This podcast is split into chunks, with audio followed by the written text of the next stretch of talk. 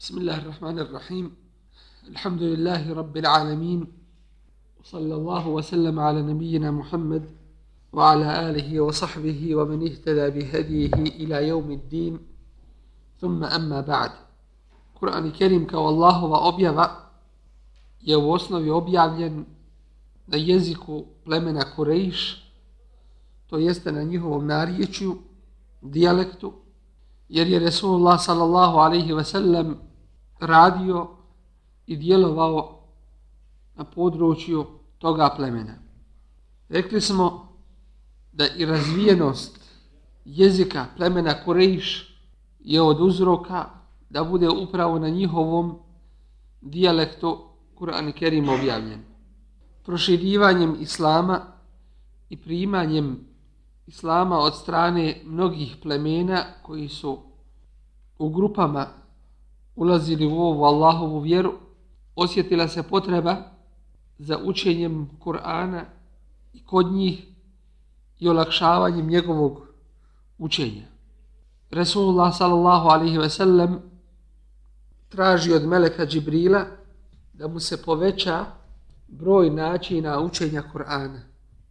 Pa mu se to povećava do sedam načina harfova učenja Kur'ana. Upravo zbog olakšice ummetu Rasulullaha sallallahu alaihi ve sellem, jer među njima ima nepismeni djece, staraca i nemoćnih. Postavlja se pitanje šta se misli pod sedam harfova učenja Kur'ana. Najjače mišljenje jeste da sedam harfova Kur'ana označava sedam dijalekata, narječja, kojima govore Arapi, a ipak sa jednim značenjem. Kažemo ipak sa jednim značenjem, onim osnovnim značenjem kome se vraćaju ta narječja. Inače ćemo naći nekada dvije riječi. Jedna riječ se po jednom kirajetu uči, a druga riječ po kirajetu drugih, po učenju drugih. One u osnovi imaju isto značenje, iako se razlikuju nekim dodatnim značenjima. Kao što je primjer riječi Malik jeumidin i Melik jeumidin. Malik jeumidin znači onaj koji posjeduje taj dan, u čijoj je vlasti taj dan, sudnji dan. A Meliki Jeumidin znači vladar sudnjeg dana. Jedno i drugo se vraća na ono osnovno značenje. Iako svaka od ove dvije riječi ima svoje posebnosti. Isto tako, kirajet bima kanu yekzibun, po drugom kirajetu bima kanu yukezibun. Zbog toga što su oni lagali, što nisu htjeli da prihvate istinu i lagali su na Allahovog poslanika, na Božju objavu i tako dalje. A po drugom kirajtu bima kanu yukezibun. Zbog toga što su oni u lažu tjerivali Allahovu objavu, Allahove poslanike i tako dalje ali ipak se vraća na jedno to osnovno značenje. Dakle, ti dijalekti su se međusobno razlikovali u objašnjavanju značenja riječi.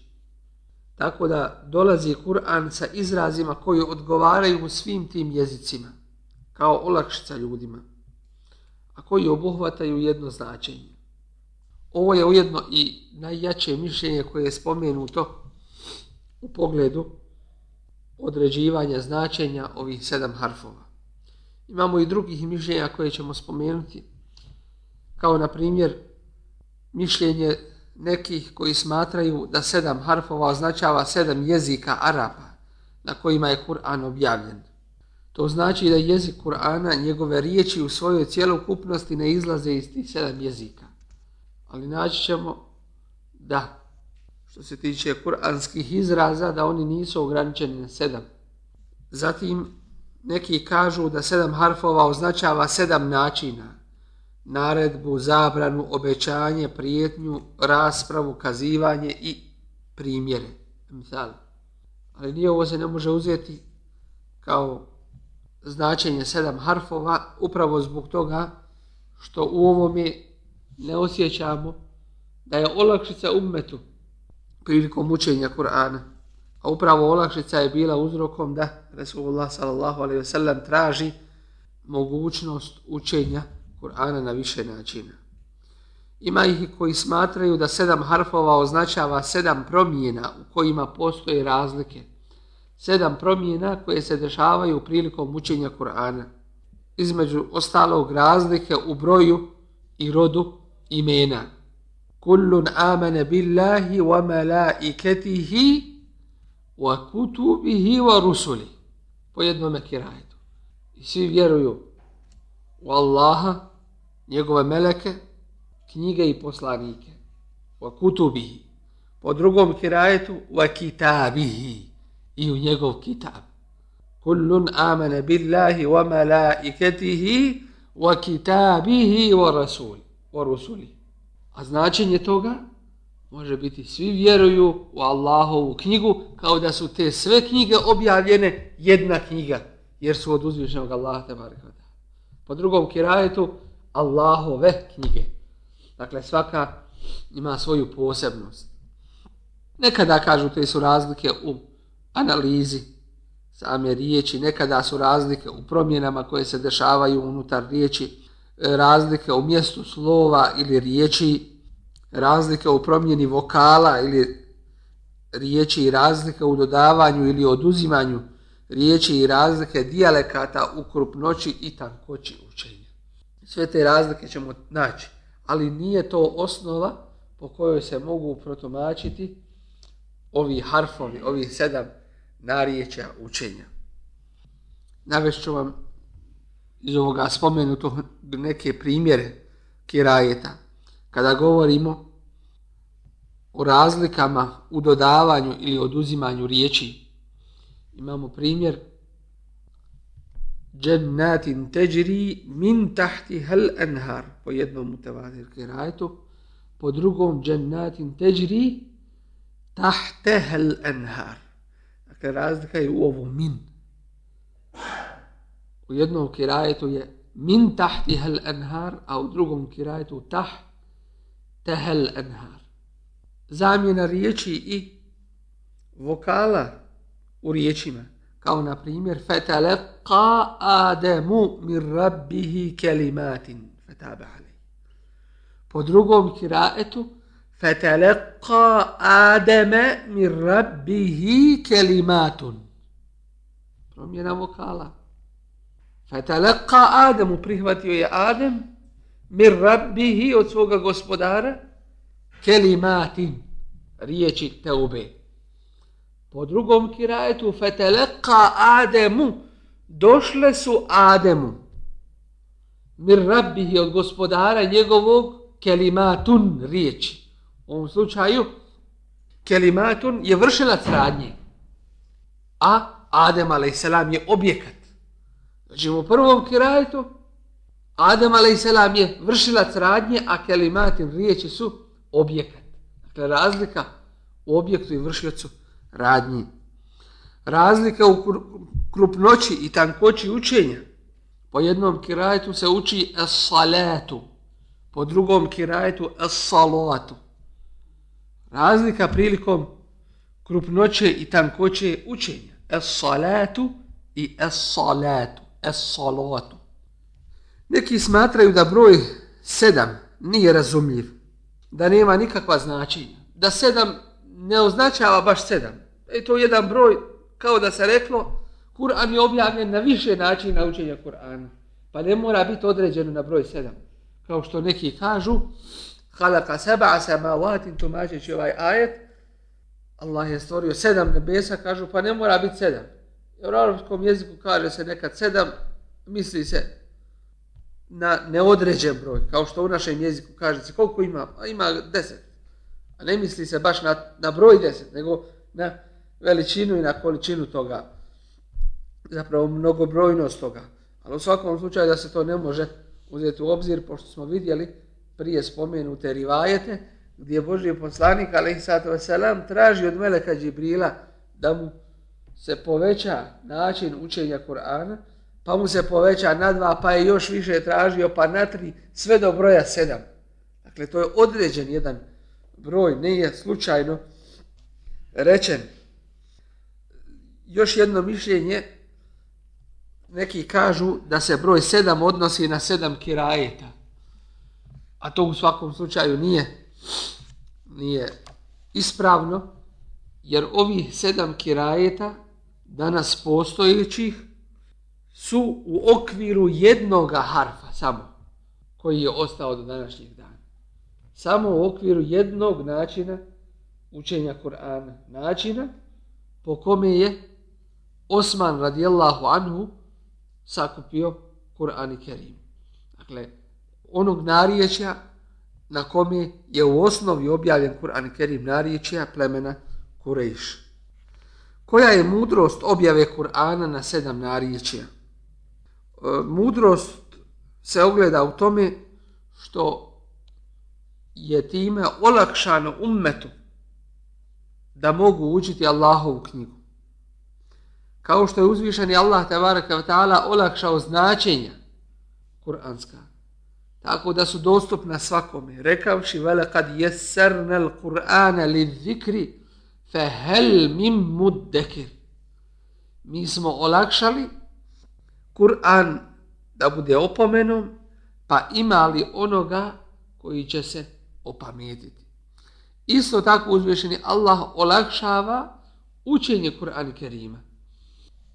Dakle, da ne bi ta, jez, ta jezička prepreka bila smetnjom da se uči Allahov govor i da se saznaju njegova značenja. Upravo zbog toga što je u to vrijeme objave bilo dosta nepismenih, što je bilo staraca, što ih je dakle, objava zatekla u poznim godinama, tako da se oni nisu svojim jezikom mogli, mogli prilagoditi onom kuranskom izrazu kurejžijskog dijalekta po kome je u osnovi Kur'an objavljen. Pa im se daje ta olakšica da na razne načine uče Kur'an i Kerim. To se, o, ovo razumijemo iz predaje koja se spominje od Ubeja, gdje kaže, prenoseći od Resula, ali sato selam, u predaji koju bilježi Ahmed svojim senedom, gdje Resulullah sallallahu sallam kaže, sreo je, gdje kaže Ubej, sreo je Resulullah sallallahu alaihi ve sellem Džibrila kod Ahđari Mera, to je mjesto kod Kubaa, pa mu je rekao, poslan sam nepismenom ummetu, među njima su djeca, sluge, starci i nemoćni. Rekao je Džibril, učite Kur'an na sedam narječja, dakle kao olakšicu vama. Drugo, Kur'an kao muđiza koja odgovara prirodi jezika kod, kod Arapa. Mi kada govorimo o Kur'an i Kerimu, vidjet ćemo da je njemu svojstven i ađaz da uzvišeni Allah ljudima upućuje jednu vrstu izazova. Ako vi mislite da ovaj Kur'an nije od Allaha, da, da ga je Muhammed a.s. od sebe napisao, dođite vi sa nečim sličnim njemu. To svakako nisu mogli. Kada su učili Kur'an, vidjeli su da je to jedna savršenost. Da se ni jedan harf, ni jedna riječ nije mogla zamijeniti drugom. Ali ćemo vidjeti ovdje u ovim kirajitima da uzviženi Allah uzme jednu riječ i zamijeni je drugu. Objavom isto desilo se. Kad vidje Kur'an i Kerim kažu nemoguće je ništa u njemu promijeniti, nemoguće je jednu riječ zamijeniti drugom riječ. A uzvišeni Allah kaže im, evo moguće, pogledajte. To je jedna vrsta i ađaza. Ista je situacija, inšala, kad budemo govorili o kuranskoj muđizi, ista je situacija i sa kasasul Kur'an, sa kuranskim kazivanjima. Na jednom mjestu uzvišeni Allah opiše jedan događaj. I ljudi su začuđeni tim opisom, tim svim što je rečeno tu. I kažu, ovo je vrhunac svega. Nemoguće je doći sa nečim sličnim ovome što je rečeno. A uzvišen je Allah to spomeni na drugom mjestu. Kažu, pa moguće, ali to uzvišen je Allah samo može. Dakle, vrsta izazova ljudima. I da se osjeti ta nadnaravnost Kur'ana. Da se dođe sa drugom jednom riječju koja ima neko još dodatno u sebi značenje koja nam pojašnjava koja nam pojašnjava postojeće već značenje koje ta riječ nosi. Kao treće, Kur'an kao muđiza u svome značenju i propisima. Dakle, vidjeli smo da je izazov za arapski jezik i izazov je za značenja i propise. Vidjet ćemo da fakihi, islamski muđtehidi, i ovdje treba napomenuti riječ fakih se kaže, islamski pravnik, a nije fakih. To je razlika. Dakle, islamski fakih, islamski pravnik, muđtehid i tako dalje, donosi nekada svoje šarijatske zaključke na osnovu kiraeta. Na osnovu kiraeta nekada se donose šarijatski zaključci. Upravo što jedan kiraet nosi značenja koja ne nosi onaj drugi kiraet. I zato je ovo jedna od temeljnih odrednica prilikom tumačenja Kur'ana. Da se poznaju kirajeti, mutevatir kirajeti, da se poznaju prilikom učenja Kur'ana, prilikom tefsira Kur'ana, tumačenja njegovog, a isto tako je potrebno fakih u onome ko, izla, ko izvodi šarijatske zaključke da poznaje ove kirajete. Da progovorimo malo o kirajetima i o učačima Kur'ana. Na što se odnosi ovih sedam kirajeta koji danas postoji kod nas? Sedam, odnosno deset kirajeta. Kakva je razlika i to da pojasnimo? Između sedam i deset kirajeta. U osnovi je deset mutevatir kirajeta. S tim što je osnova toga sedam kirajeta. A ova tri kirajeta, dodata na ovih sedam, su u stvari isti ili imami ili ravije koji su postali imami u, ovi, u ova tri kirajeta dodata na sedam. Dakle, osnova je sedam ovih kirajeta. Kiraet u jezičkom značenju označava čitanje, učenje. nastalo od riječi kare'e, učiti i čitati. Terminološka definicija kerajeta jeste da je to jedan od pravaca koji slijedi imam, učač u izgovaranju, učenju Kur'ana, a koji se razlikuje od drugih pravaca učenja. Ovi kirajti su čvrstim mutevatir senedom preneseni od Resulullaha sallallahu alaihi ve sellem, a od vremena ashaba ljudi slijede njihov put u učenju. Najpoznatiji učači među ashabima su bili Ubej, Ali, Zaid ibn Thabit, Ibn Mas'ud, Ebu Musa al-Eš'ari i drugi. Od njih su preuzeli učenje ostali ashabi i prenijeli ga u druge pokrajine. A svi oni su povezani senedom do Resulullaha sallallahu alaihi ve sellem. I u vrijeme tabina velika pažnja je posvećena kiraetima. A tabijini su postali imami koji su bili uzor i kojima su hrlili ljudi da nauče učiti Kur'an. Među njima su sedmorica imama kojima se pripisuje sedam kirajeta. Dakle, kada kažemo sedam imama, onih po kojima su ovi kirajeti nazvani, ne znači to u nikom slučaju da su oni došli sa tim kirajetima, već su oni se toliko istakli po širenju ovih hirajeta, njihovom proučavanju i poznavanju, da su postali imami tih hirajeta po kojima su se poznavali. Neki od njih su bili u Medini, neki u Mekki, Kufi, Basri i Šamu.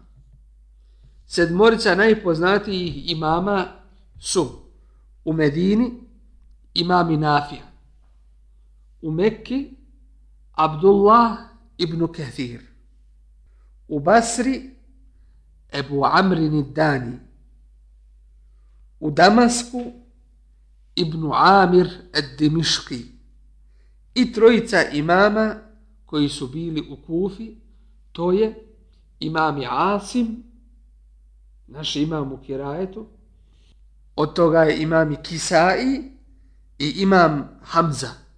Njih trojica su bili u Kufi. Većina što se može primijetiti ovih imama u Kirajetima bili su istovremeno i imami u arapskom jeziku. Posebno što se tiče gramatike.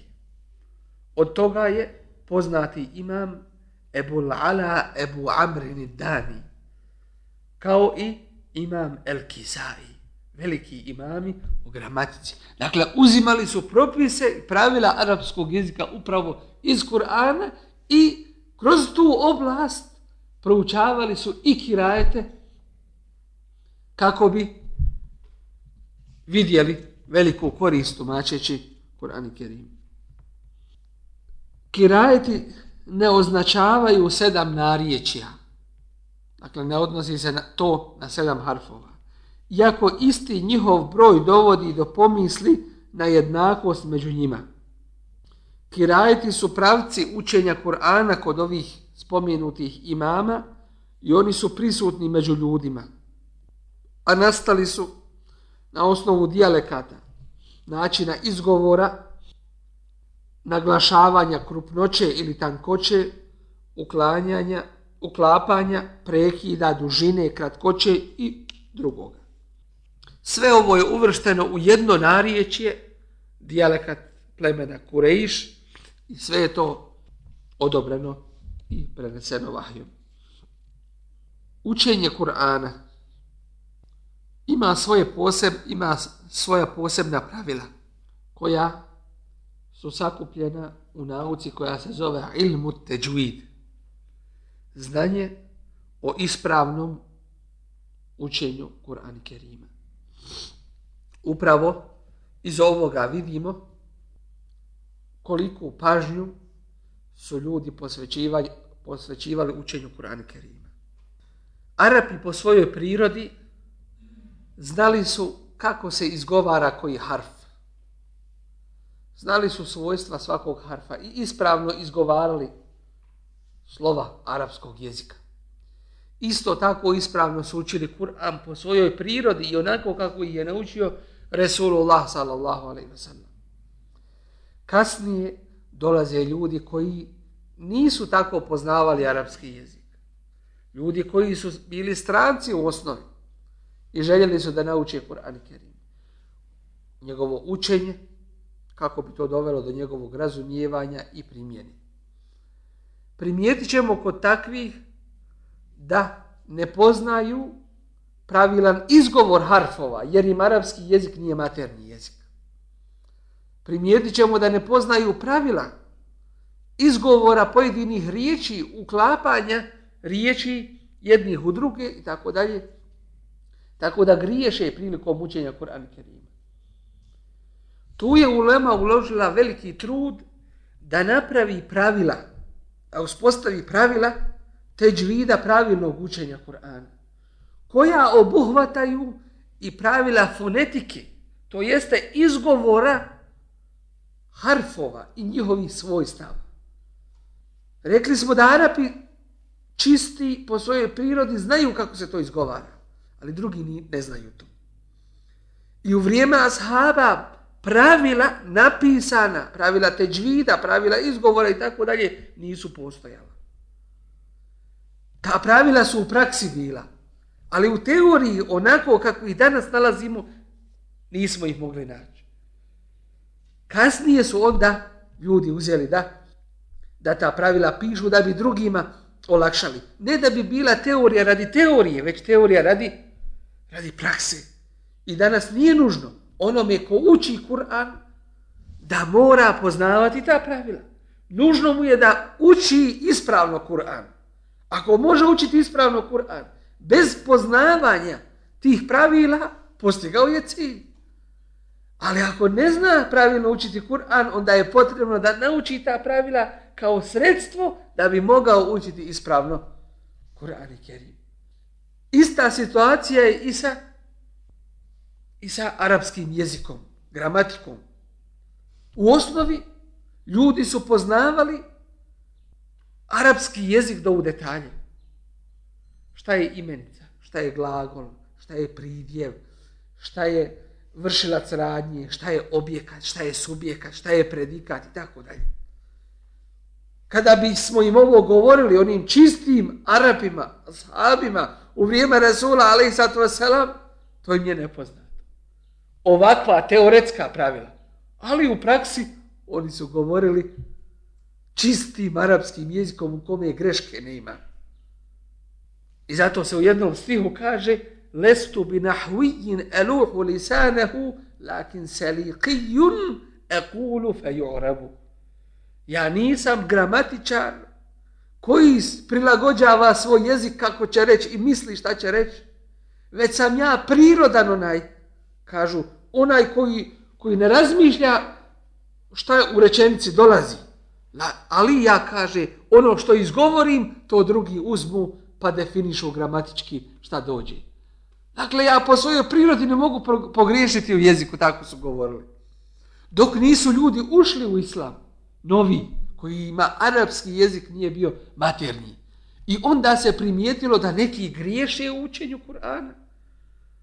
I to griješi u tolikoj mjeri da mijenja značenja skroz. Ne uzubila kad bi bio svjestan toga, izašao bi iz vjere.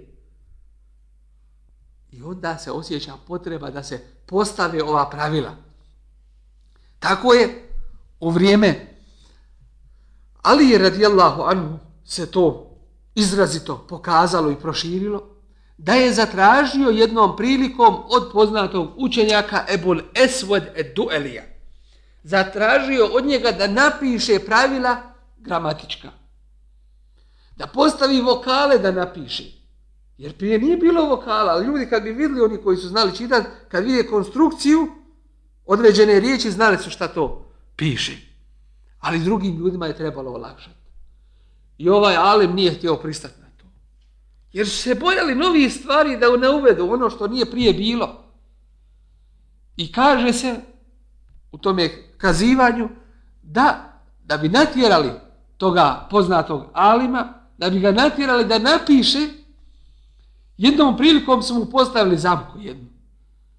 Idući ulicom, jednog su čovjeka postavili u kući da uči Kur'an ali da pogriješi namjerno i to da napravi veliku grešku. Učio je ajet iz sure Beraetun.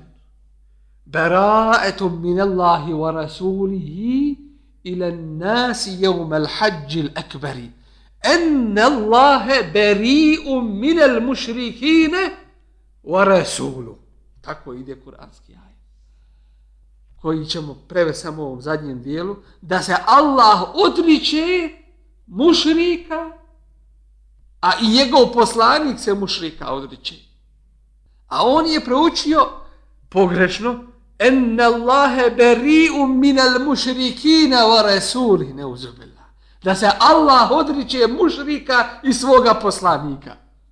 Ovaj kad je to čuo, istigmar pođe donositi, otrća u svoju kuću i pođe pisati, pođe pisati ova pravila. Greška koja može neuzubila ko je svjestan izvest, iz vjere. I onda su počeli postavljati ova pravila kako bi drugima olakšali na Arapima učenje Kur'ana. Zapamćeno je da Abdullah ibn Mesud jednom prilikom, čuvši čovjeka da uči kur'anski ajet iz sure Teube, inneme sadaqatu lil fuqara wal masakin da je taj ajet proučio inneme sadaqatu lil fuqara'i wal masakin. Pa mu kaže Abdullah ibn Mesud stani. Nije nas tako naučio Boži poslanik ali zato se. Prouči lil fuqara'i. Dakle, uči ga čemu? Propisu u teđvidu koji se zove med. Da treba duže proučiti El fukarai. Ovaj kratko to proučio. Pa ma Abdullah ibn Mesud kaže, stani, nije nas tako naučio Resulullah sallallahu alaihi sallam. Dakle, uči ga pravilu teđvida. Kod izvornih Arapa, to je u njihovoj prirodi bio da će tako učiti. Ali kod drugih je bila potreba da se nauče tim pravilima. Abdullah ibn Mesud je imao lijep glas, a njegovo učenje ostavljalo je traga na samome učaču i na slušalcu koji razumije značenje Kur'ana i tajne njegovog iadžaza. Resulullah sallallahu alaihi ve sellem je rekao من أحب أن يقرأ القرآن غضا كما أنزل فليقرأه على قراءة ابن أم عبد. Ko želi da uči Kur'an kao što je objavljen, neka ga uči kiraetom Ibni ummi abda. To jeste Abdullaha Ibni Mas'uda, kojim je dat lijep glas, teđvid Kur'ana. Zašto izučavanje teđvida? Upravo zbog toga što ćemo postići olakšicu i olakšavanje razumijevanja Kur'an Kerima. Jer nešto što je lijepo čut, lahko je i za, i za shvatiti i prihvatiti. Značenja ta se urezuju u pamćenje i u dušu. Zatim, na taj način, lijepim i ispravnim učenjem Kur'ana, udaljit ćemo se od eventualnih greški koje mogu nastupiti prilikom učenja Kur'ana, koje se prenose i na značenje. I zato što je to ta'abud, što je to ibadet uzvišenom Allahu tabaraka wa ta'ala, učenje Kur'ana. I kaže se, kada neki postavljaju pitanje, koje je najbolje učenje Kur'ana? Pa se daje odgovor na to, riječima najbolje učenje Kur'ana jeste tefsirsko učenje Kur'ana. Kako je to tefsirsko učenje Kur'ana? Kada nekoga čujete da uči Kur'an kao da vam ga tumači. Stane gdje treba stati, poveća glas gdje treba povećati, žešće uči na određenom mjestu, na e, mjestima gdje se spominje Allahov azab, uči tanje i tako dalje. Kada uči Kur'an, osjeća njegova značenja i tome se prilagođava u svome učenju, pa kada ga slušamo, kao da nam tumači Kur'an. Tako učenje je najbolje učenje. Ne mislimo na ono učenje koje danas vidimo, gdje se prouče dva, tri ajeta, ono što nam dolaze na kasetama iz misira i iz drugih mjesta, a onda ljudi svi u jedan glas, a poviću i tako da je to nema veze sa Allahovom vjerom i to je jedan munker koji nije u redu, jer nije zato objavljen Kur'an i Kerim da mu treba aplaudirati, da treba navijati za njega i tako dalje, već treba njegova značenja pratiti i razumijevati sa hušuom, sa strahopoštovanjem, kazne se bojati, moliti uzvišenog Allaha da nas, je, da nas sačuva od nje, kad čujemo ajete Allahovog rahmeta, zamoliti ga za njegovu milost i tako dalje. U prošlosti kao i danas veliku pažnju ulema posvećuje učenju Kur'ana kako bi izgovor bio ispravan. Davanje harfovima njihovih prava i redoslijeda. Vraćanje svakog harfa na njegovo ishodište i osnovu. Ljepota izgovora sa njegovom pravilnošću bez imalo pretjerivanja i nepravilnosti.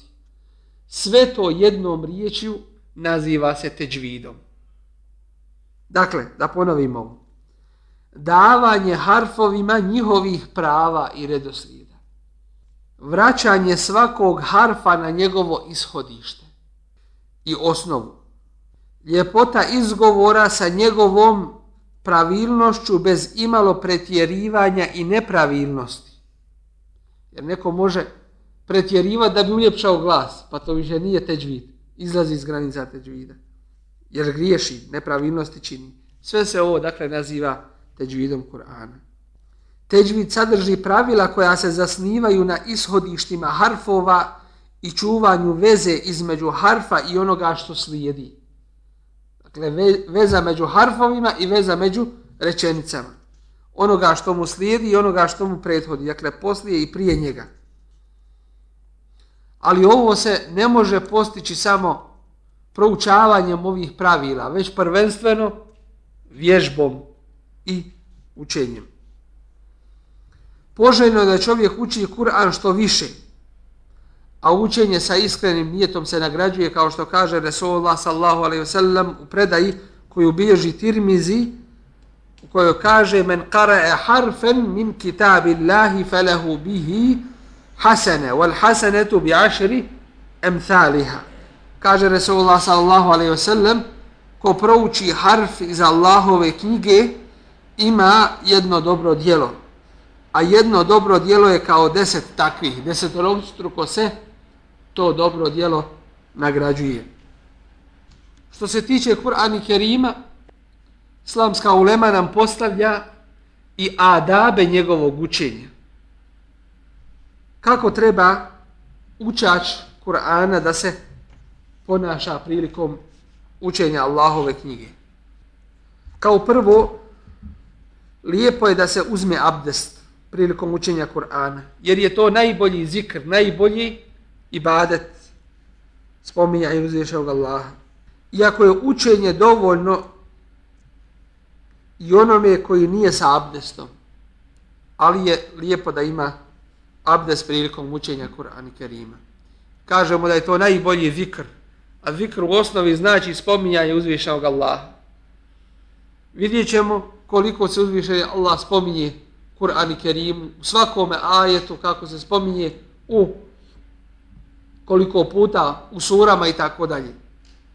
Mi ćemo naći u objavama prije koje su iskrivljene u Tevratu tako ćemo naći jedno cijelo poglavlje u kome se uzvišeni Allah ne spominje ni jedan put. Do te mjere je to iskrivljeno. Jedno cijelo poglavlje suru te vratu u kojoj se uzvišeni Allah ni jedan put ne spominje. Je li to zikr? Vidjet ćemo da su ljudi svoju, svoju, svoje ruke u to unijeli. Dalje, da bude čovjek na čistom mjestu od adaba učenja Kur'ana je, iskazujući na taj način poštovanje prema onome što uči. Zatim da njegovo učenje bude sa skrušenošću i smirenošću. Da upotrijebi misvak, da očisti zube prije učenja Kur'ana, prije početka učenja. Zatim da prouči euzu na početku učenja. A neka ulema smatra da je učenje isti'ade, to jeste e'udhu billahi mine šeitanir rajim, da je to vađib. Po kuranskim riječima, fe idha qara'ta al-Qur'ana fasta'iz billah min ash-shaytanir rajim. Kada učiš Kur'an, zatraži zaštitu kod Allaha od prokletog šeitana. Dakle, po ovome zatraži, po ovoj riječi naredbe, zatraži zaštitu kod Allaha, neki smatraju da je to vađib. Mi ćemo nekada čuti da neki učači uče i kažu A'udhu billahi mine šeitanir rađim. I to je najbolji, najbolja vrsta istiade, jer je spomenuta u Kur'ani Kerimu ali ne smeta da čovjek i na drugi način to prouči. E'udhu billahi sami'il alimi mine šeitanir rajim. E, Estaizu billahi mine šeitanir rajim. I tako da je bilo, bilo koji način bitno je da se ostvari isteada, da se prouči, da se izvrši ovaj, ovaj propis, a opet je najbolje na način kako je spomenut u Kur'anu Kerimu, a to je A'udhu billahi mine šeitanir rajim. Zatim da prouči bismilu na početku svake sure, izuzev sure Berae, sura i Teube. Zatim da njegovo učenje bude razgovjetno i pravilno. Varetilil Kur'ane tartila. I uči Kur'an polako i razgovjetno. Zatim da razmišlja o onome što uči, jer je to i cilj učenja a to je da njegovo srce bude okupirano onim što uči, te da njegovi osjećaji budu usklađeni sa ajetima koji govore o istigfaru, teobi, milosti, kazni i tako dalje. Kaže uzvišenje Allah u sura Isad, 29. ajet, Kitabun enzelnahu ilajke mubarakun li jeddebberu ajatihi وَلِيَتَذَكَّرَ أُولُو الْأَلْبَابِ Knjiga koju ti objavljujemo blagoslovljena je, mubarakun. Da bi oni o riječima njezinim razmislili i da bi oni koji su razumom obdareni pouku primili. Zatim da djeluju na njega ajeti obećanja i prijetnji, tako da se ražalosti i plaće kod ajeta koji govore o, sta, o strahu i prijetnjama. Da uljepša učenje lijepim glasom, jer je Kur'an ukras lijepom glasu, a lijep glas više djeluje na dušu. Da uči na glas što je bolje, a ono, jer to sadrži buđenje srca i obnavljanje njegove djelatnosti. Dakle, budi se srce lijepim učenjem Kur'ana Kerima. Sve to djeluje i na slušalce i usmjerava ih na razmišljanje o Allahovim ajetima. Zatim, kod adaba učenja Kur'ana se spominje da li je bolje učiti Kur'an na pamet ili gledajući.